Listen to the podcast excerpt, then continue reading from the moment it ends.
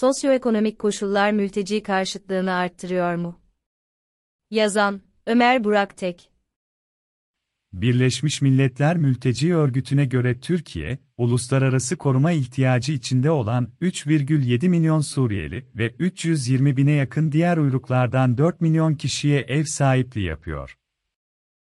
Türkiye'de yaşayan Suriyelilerin %98, 6'sı 81 ilde ev sahibi toplumla bir arada yaşarken, %1, 4'ü ise Göç İdaresi Başkanlığı yönetimindeki 7 geçici barınma merkezinde kalıyor. Bu bağlamda Türkiye'de bu sayılar ön plana çıkarılarak, mültecilerin sosyoekonomik hayatı olumsuz etkilediğine ilişkin mülteci karşıtı güçlü bir argüman bulunuyor. Peki gerçekten böyle mi?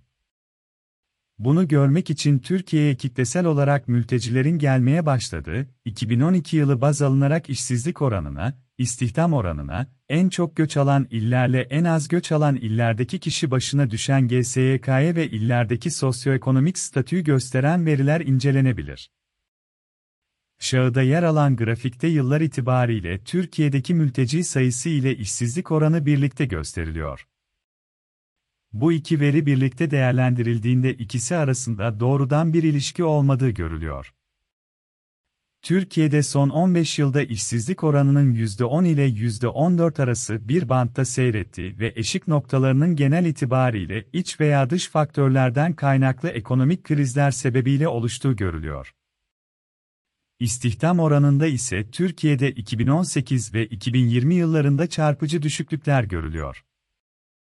Bu duruma 2018 yılında yaşanan döviz krizi ve 2020 yılında yaşanan pandemi sebebiyet vermiş gibi görünüyor çünkü Türkiye ekonomisine benzer kırılganlığa sahip ülkelerde de bu yıllarda istihdam oranı benzer bir seyir izliyor.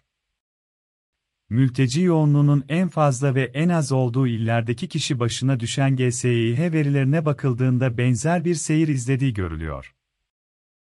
Her iki kategoride de yer alan illerin kişi başı gelirlerinde 2013 yılına kadar artış gözlenirken, 2013 yılından itibaren bir azalma görülüyor.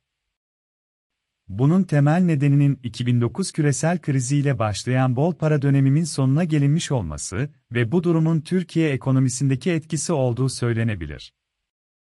Kayıtlı Suriyeli nüfusun il nüfusuna göre en yüksek olan bölge Gaziantep-Kilis bölgesine bakıldığında hem işsizlik oranında hem de tarım dışı işsizlik oranında Türkiye ekonomisine benzer bir eğilim sergiledi. Mültecilerin gelmesiyle bu göstergelerde bir artış yaşanmadığı veya genel eğilimin aksine bir bozulmaya neden olmadığı görülüyor. Kayıtlı Suriyeli nüfusun il nüfusuna en yüksek olan bölge Gaziantep-Kilis bölgesi.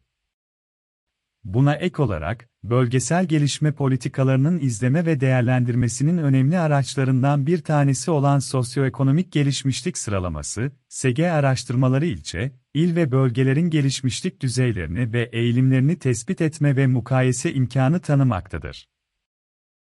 Bu açıdan SEGE araştırmaları illerin hem sosyal hem de ekonomik performanslarına ilişkin bizlere önemli ipuçları vermektedir. Mültecilerin yoğun olduğu illerin SEGE sıralamasına baktığımızda nüfusa göre en çok mülteci barındıran Kilis ili, 2011 SEGE sıralamasında 63. sıradayken, 2017 SEGE sıralamasında 62. sıraya yükselmiştir. Benzer şekilde nüfusa göre mültecinin yoğun olduğu bir diğer il olan Gaziantep'e baktığımızda her iki SEGE sıralamasında da 30. sırada bulunmaktadır. Hatay ili bu yıllar arasında 46. sıradan 39. sıraya yükselirken, Şanlıurfa her iki SEGE çalışmasında da 73. sırada yer almıştır. Bu veriler mültecilerin yoğun olduğu illerin sosyoekonomik gelişmişlik açısından geriye gitmedi ve mültecilerin bu illerin sosyoekonomik yapısını bozmadığını göstermektedir. Yukarıda yer alan makro göstergelere birlikte değerlendirildiğinde mültecilerin Türkiye ekonomisinde istihdam ve işsizlik verilerinin bozulmasına yol açmadığı, mültecilerin yoğun olduğu il ve bölgelerin sosyoekonomik göstergelerde diğer il ve bölgelere göre geri kalmadığı görülüyor.